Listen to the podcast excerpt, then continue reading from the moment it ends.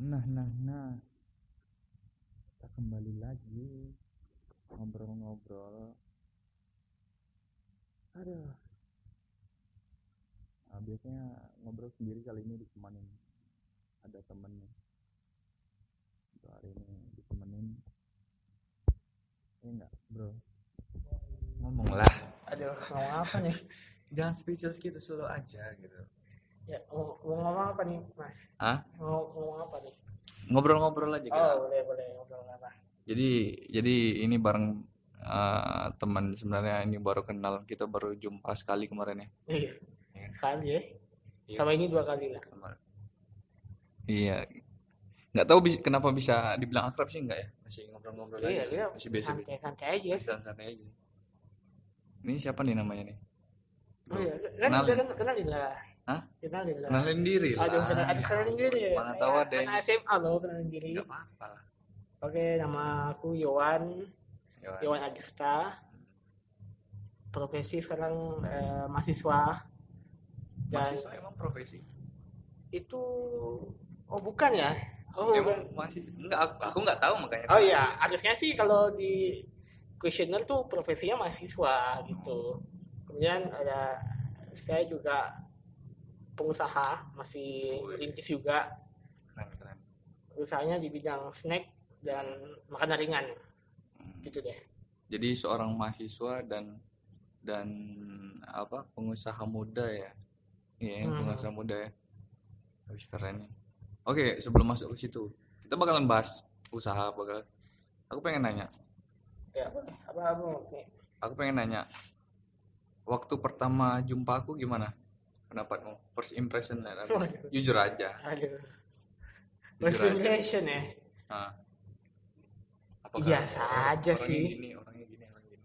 Enggak lah. lah, jujur Aku aja. aku kalau sama orang baru open open aja sih nggak nggak gitu-gitu itu aku lihat pun Edo kayaknya sopan nggak banyak tingkah gitu Memang kan sopan anak. iya Aku sopan.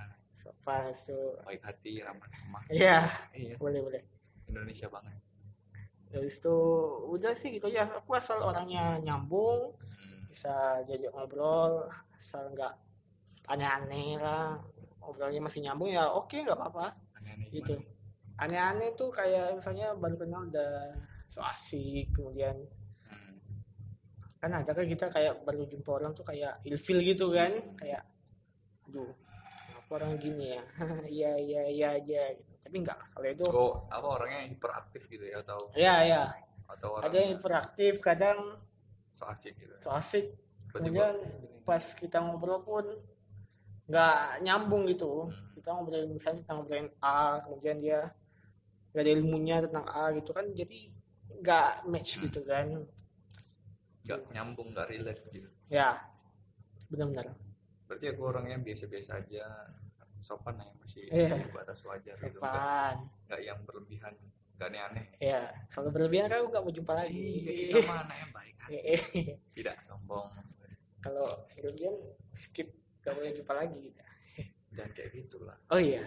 Nggak boleh kayak gitu dong. Ya kan kita bisa jumpa lagi berarti kok baik kan? Ya belum. Ya eh, kalau menurut aku sih aku ya Ah. orang kayak gitu ya udah jangan benci orangnya iya. Benci aja apa attitude-nya atau segala macam. Hmm. tapi ya benci orangnya kalau mau berkawan ya ayo gitu. Iya. Tapi kan ada ya batas-batasnya lah kok sini ke sini sini sini gitu. Kalau gitu. Ya ya benar benar oh ya tadi kok ada singgung masalah-masalah bisnis nih. Oh ya bisnis. Bisnis snack ya? Ya apa tuh? Coba di boleh dijabarkan snack apa? Kapan di dibuatnya eh, maksudnya kapan pertama kali ngerintisnya usahanya dari tahun oke oke oke itu aku tuh bisnis snack sekarang bisnis snack. Eh, namanya Mahasiwit itu snack rumput laut. Hmm, sebelum Mahasiwit tuh aku pernah bisnis snack juga. Eh, namanya keripik singkong keripik singkong KUH keripik ungkapan hati. Itu dulu pas awal-awal masuk kuliah 2017 kalau nggak salah sekitar 2017 atau 2018 gitu. Kemudian eh, karena beberapa hal karena udah banyak juga yang jualannya itu jadi kayaknya agak gimana gitu agak susah persaingannya jadi hmm, coba ganti ke snack rumput laut Hmm. Masiu ini. Masiu ini mulainya itu 2018 kalau nggak salah 2018 2018 Udah ya tahun ya. udah dua tahun lah udah dua tahun eh ins- apa lagi ya 2018 Hmm. udah sih itu aja mulai pertama kali ya itu pun gara-gara nonton film Thailand judulnya The Billionaire Hmm. Oh iya aku pernah nonton. Kau pernah nonton kan itu bagus tuh Itu- filmnya. itu recommended lah Ya, benar-benar. Banyak sih yang yang apa ya? Mereka mulai terinspirasi gara-gara nonton itu. Kayak kawan-kawan aku juga eh, mereka nggak buka usaha tapi pemikirannya terbuka gitu. ya benar Nonton film itu. Gak tau ya. Kalau kawan-kawan aku sih gitu. Soalnya dia tanya aku kan, film Hmm. apa nih yang bagus nih recommended film-film yang eh, biografi kan, ya real apa kisah nyata gitu. Aku tau lah nih The Billionaire coba aku nonton. Ditonton dia eh, ada lus, eh, lusa atau seminggu kemudian baru dia bilang, wih bagus loh filmnya gini gini gini gini. ya itu Memang aku juga nonton itu kayak, wih gila, langsung terbuka pikirannya, Iya. terbuka gitu. Enggak, langsung percaya Iya kepala percaya. Berarti engkau dari ah, ah, kalau untuk usaha ini memang betul-betul tok termotivasi dari film ini atau memang ada kepikiran nggak gitu pengen buka usaha rumput laut? Eh, dulu tuh mikirnya sih masih hubungan sama snack juga tapi belum terpikir mau snack apa lagi nih gitu kan. Udah keripik singkong udah pernah rupanya nggak nggak nggak begitu bagus. Hmm. atau mungkin dulu akunya aja nggak pandai mungkin kan, ilmunya belum ada. Jadi istilahnya kurang maksimal. Nah setelah nonton ini aku mikir juga oh ini rumput laut rupanya cuma ada satu merek. Yang aku tahu tuh dulu cuma tahu Kenoy sama merek Indomaret Dua merek itu kalau kan kalau bisnis yang bagus tuh kan yang nggak banding-banding harga kan. Ya. kalau udah banding-banding harga tuh berarti udah aduh lebih baik keluar dari zona itulah. Misalnya jual gorengan kita jual 5000 yang sebelah kita jual 3000 sebelahnya lagi jual eh, 2000 Oh, banding harga gitu. nah banding-banding harga. Jadi kita mau nggak mau harus turun juga harganya kan. Tuh kalau menurut aku nggak Kalau bagus patokan gitu. dari situ susah ya. Ah ya kalau patokan dari situ susah. Eh, susah. Macam Shopee, Tokopedia kan gitu tuh. Hmm. Itu sebenarnya kalau kita jualan di Shopee sama Tokopedia tuh kalau kita nggak unik bakal susah, bakal hancur. Jual baju sana pada berapa banyak baju yang murah. Jadi aku sekarang belum ada kepikiran masuk ke e-commerce karena itu bakal banding-banding harga gitu. Hmm, banding-banding harga bener sih. Soalnya kalau udah masuk platform itu, memang aku lihat sendiri, Mm-mm. gila ada yang tiga puluh ribu, ada baju yang dua puluh Iya, kita carinya yang termurah kan? sekali beli yang murah barangnya kurang ini. Iya. kurang memuaskan. Contohnya lah baju. Memang bener. Pesen nih ada baju dua puluh ribu gitu kan. Aku pesen wah ini murah nih. Murah aja mikir dan sekali datang nih barang nih.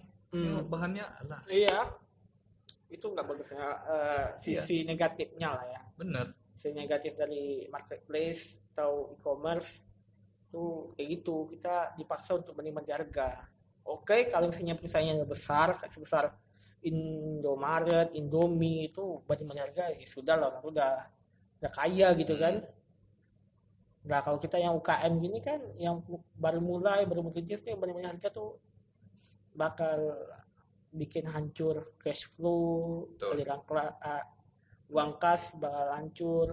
Belum lagi biaya marketingnya gitu, gitu. Itu yang bener aku tangkap sih.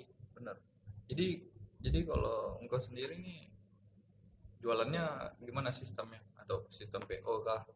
Atau ada platform lain Aku sekarang masih jualan di Instagram. atau- Hmm, Eh, PO berarti Enggak Pre-order PO, juga. ada ready stock sih. Biasanya seminggu sekali buat stok misalnya 50 bungkus atau 30 bungkus seminggu sekali. Kemudian ha- jual, habis habis, buat lagi. Gitu-gitu sih.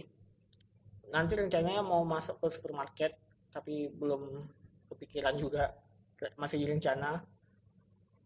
Habis itu aku lagi ngembangin coba jual di Batam sih. Rencananya juga mau jual di Batam pengen coba di sana kan sana kan dari Pinang kan marketnya lebih rame penduduknya Hmm. lebih banyak daripada Tanjung Pinang kan jadi ya semoga bisa digarap lah marketnya udah ada link nah. udah ada link yang Enggak. ada, ada kawan atau distributor kan di sana ada Bel- kemarin sih ada tapi Hmm. dia kerja jadi agak Oh. susah ya agak rada-rada Ah. rada-rada terbengkalai lah Iya benar. Jadi coba ini coba aku sendiri lah pakai just tip just tip gitu kan. Kalau mau pesan pesan ke aku, terus nanti aku antar ke just tip, ah, just tip eh, Pinang Batam yang anterin gitu. Gitulah. Masih gitu sih rencana itunya. keren keren yang apa yang kau bilang kemarin yang lewat aplikasi itu apa Oh iya, aplikasi Yubi ya. platform itu uh, salah satu platform itu masih jalan itu Itu jalan eh, di Jakarta. Kabupaten taruh barang Jakarta. Tetapi karena aku belum tahu ilmunya, jadi kurang maksimal juga. tapi udah Udah ada taruh barang ke sana. Cuma- modal udah balik gitu Udah. sebagian udah balik Ah, sebagian udah. Cuma mungkin kita kan anak Pinang sama Jakarta kan beda gitu kan. beda beda, Beda lah ya, kok tahu lah. beda kita anak daerah Iya. So, eh, mungkin ilmunya aja aku belum tahu, tinggal dipelajarin aja. Tapi harusnya sih potensinya itu ada. Cuma Hmm, harus pelan-pelan gitu kan, harus belajar nah satu belajar tentang step by step step lah by step. Nggak bisa semuanya dipelajarin harus fokus satu-satu dulu gitu. Kalau Oh. udah baru. Ya memang gitu. Tapi kalau anak sekarang enggak kayak gimana? kontrol. pengennya tuh langsung "Hah, ke garis finish. Ini belum lagi. Iya. Ibaratnya ibaratnya lari lah atlet lari. Mereka setidaknya sebelum lomba lari kan harus pemanasan dulu. Iya. Harus stretching gimana dulu kan Ha-ha. atur ini itu. Ini pemanasan aja Bang, belum. Ini aja pemanasannya belum tapi pengen ke garis finish gitu. Gimana? Oh iya iya. Gimana tuh pak? Waduh. Banyak kan kayak gitu sih. Itu pengennya instan. Wah. Instan. Ya dulu sih aku pikirnya juga gitu. Kayak aduh pengen harus punya dapat uang satu miliar gitu kan waduh. Padahal kan tidak semudah itu. Iyalah. Ada strugglingnya ya. Aduh itu kalau prosesnya tuh kalau di diurutin tuh bisa Hmm. panjang banget tuh.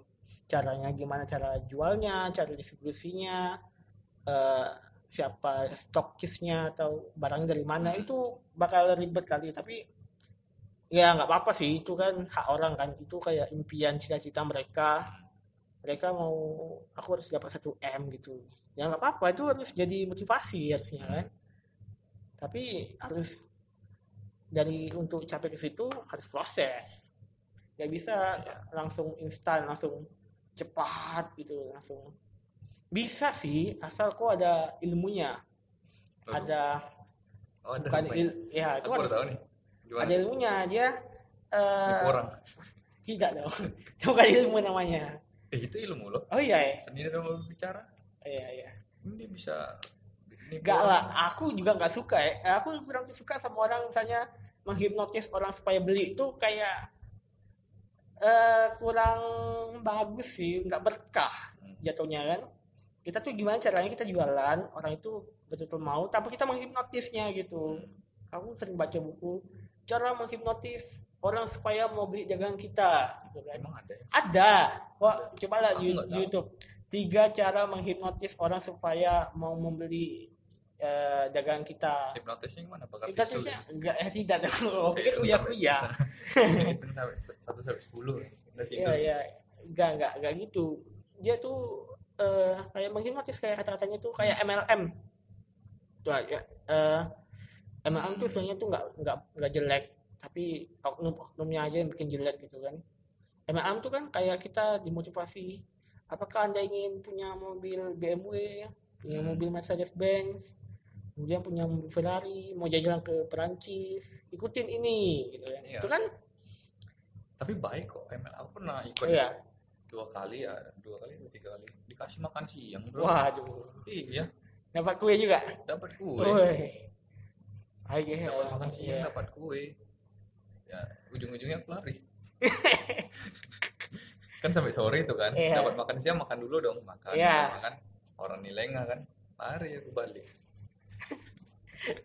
Dia disuruh itu ya. Itu kena- barangnya ya. aku bukannya aku nggak ngejelekin MLM ya tapi kayak gimana ya sistemnya itu kayak oh iya ada nggak ada gimana ya aneh aku nyari orang gini kan satu satu satu satu terus dapat duitnya gitu. ya komisi.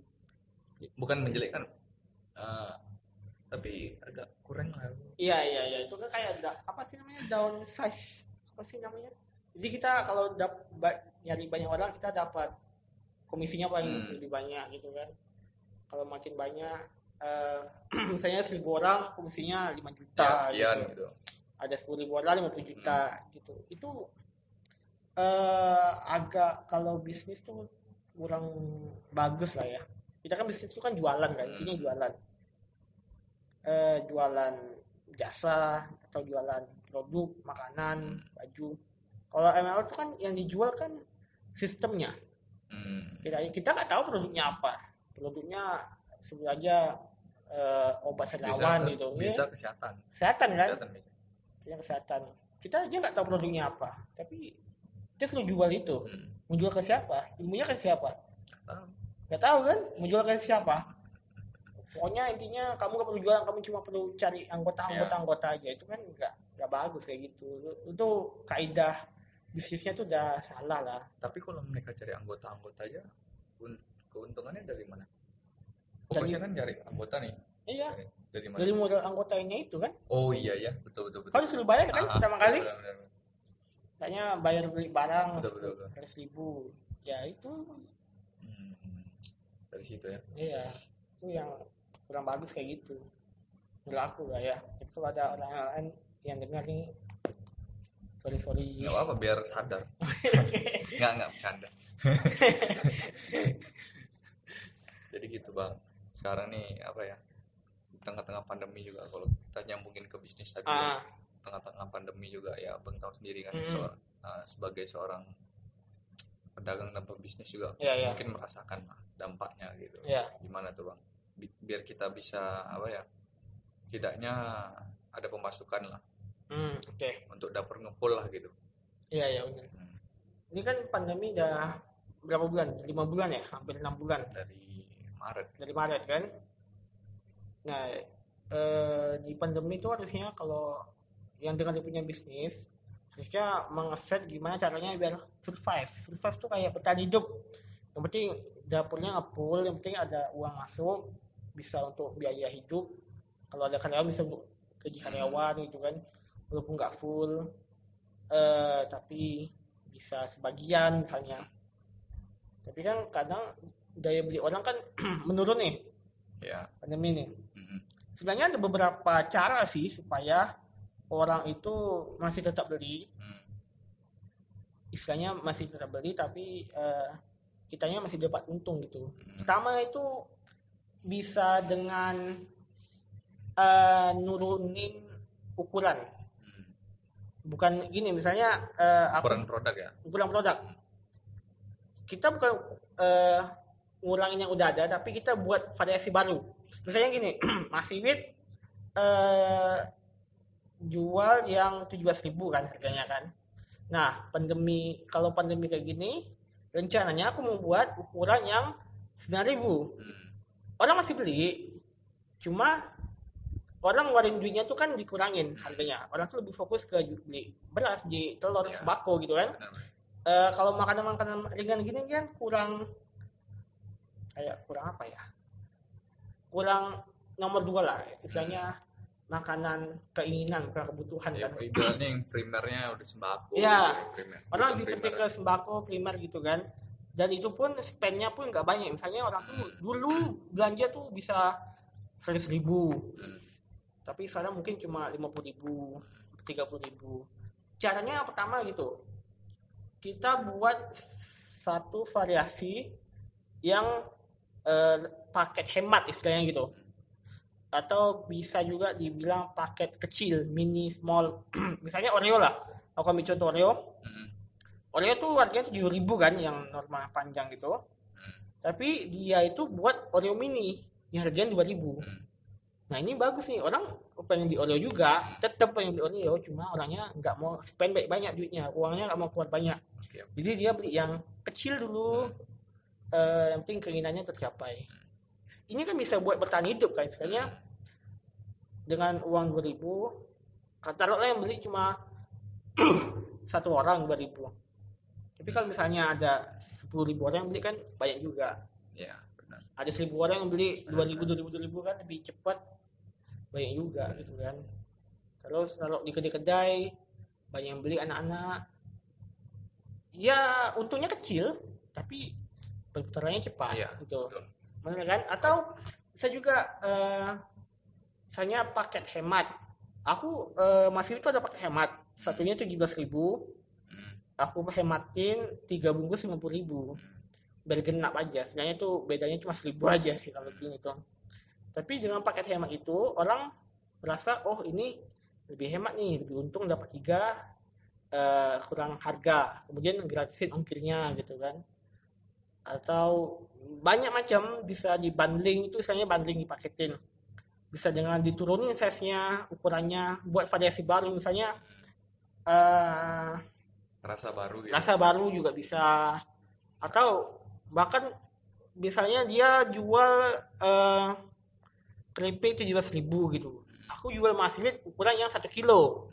Yang buat buat ibu-ibu misalnya ibu warisan ibu-ibu rumah tangga gitu kan jarang beli tujuh belas tujuh belas tujuh belas ribu kan. Ya udah aku jual yang setengah kilo seratus enam puluh ribu. Atau yang satu kilo dua ratus dua ratus sembilan puluh lima ribu. Itu kan uang masa juga buat kita kan. Iya.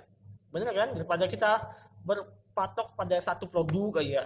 Satu produk ini bisa di macam-macamin bisa dibuat paket murahnya bikin frozen foodnya bikin yang kiloan sekaligus banyak bisa bikin macam-macam yang penting gimana caranya kita bisa hidup alias bisa survive. survive benar. Itu yang paling penting survive dulu saat ini survive.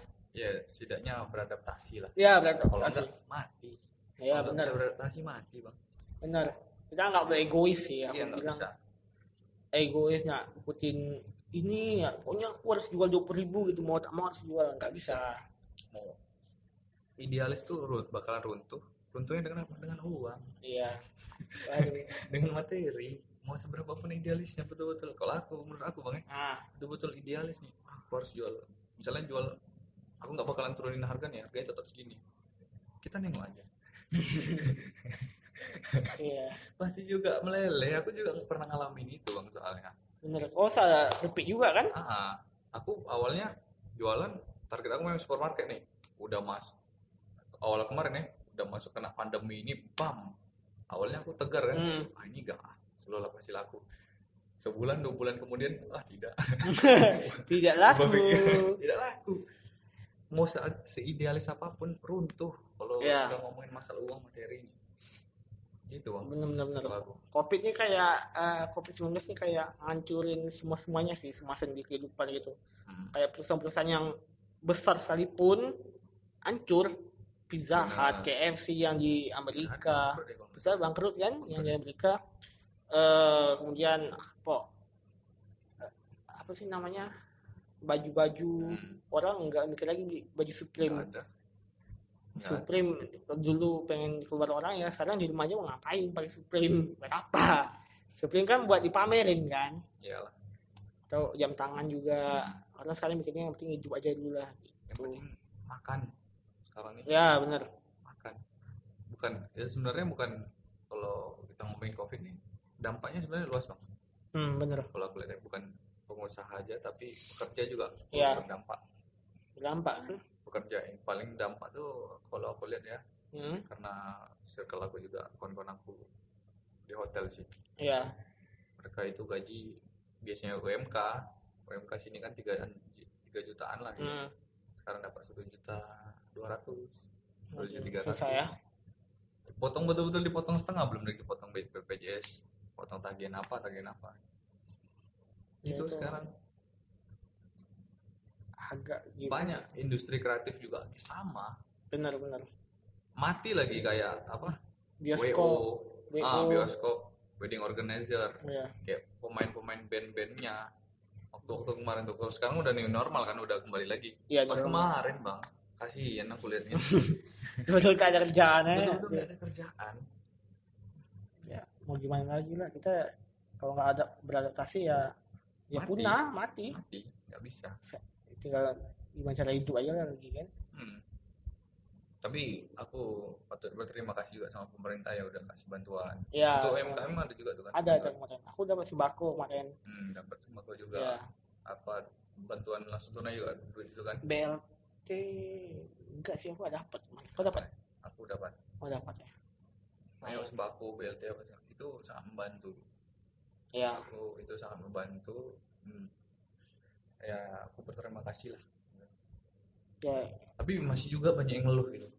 ngeluh kita terlalu berharap sama pemerintah aku lihat nih kayaknya Masih banyak yang ngeluh gitu. Ya, aku sama kawan-kawan aku apa sih udah dibantu juga gitu kan. iya. Udahlah syukurin aja gitu. kadang orang mikirnya aku harus nunggu pemerintah turun dulu nih baru kerja. Nggak bisa. nggak bisa gitu. Nggak aku kan ada eh, masuk grup ibu-ibu PK bukan PKK sih namanya UMKM juga kan. Hmm. yang tuh nanya ada bantuan nggak? Ada bantuan nggak? Kita tuh pengusaha tuh harus mikir gimana caranya nggak ada bantuan gitu. Harus bisa survive sendiri. Soalnya kalau kita nih eh, lagi berjalan gitu nggak ada siapa-siapa yang bantuin. Harus cari jalan sendiri harus belajar harus megang kompas sendiri. Arahnya kita kalau salah ya udah tahu sendiri. Hmm. kalau betul kita enak sendiri gitu kan. Beda Ya. sama mungkin kalau kerja eh, karyawan bisa ada bosnya kan stres bosnya. Kita tinggal ikutin bos. Kalau kita pengusaha tuh nggak bisa. Kita kayak Kita yang nakodanya gitu. ya kita nakodanya. Kita kayak di kapal mau kita ke timur ke barat tuh ya suka kita gitu kan. Resiko kita yang tanggung Nah, mau kita salah kita salah hmm. kalau kita benar ya kita bahagia gitu. Gitu sih aku mikirnya jadi nggak usah lah nunggu-nunggu bantuan pemerintah. Boleh sih berharap gitu kan. Mungkin bantuan dapat 16 ribu atau dapat sejuta mungkin kan dari pemerintah. Tapi itu nggak fokus utamanya nggak di situ. Gitu. Itu sih. Untuk lo gimana?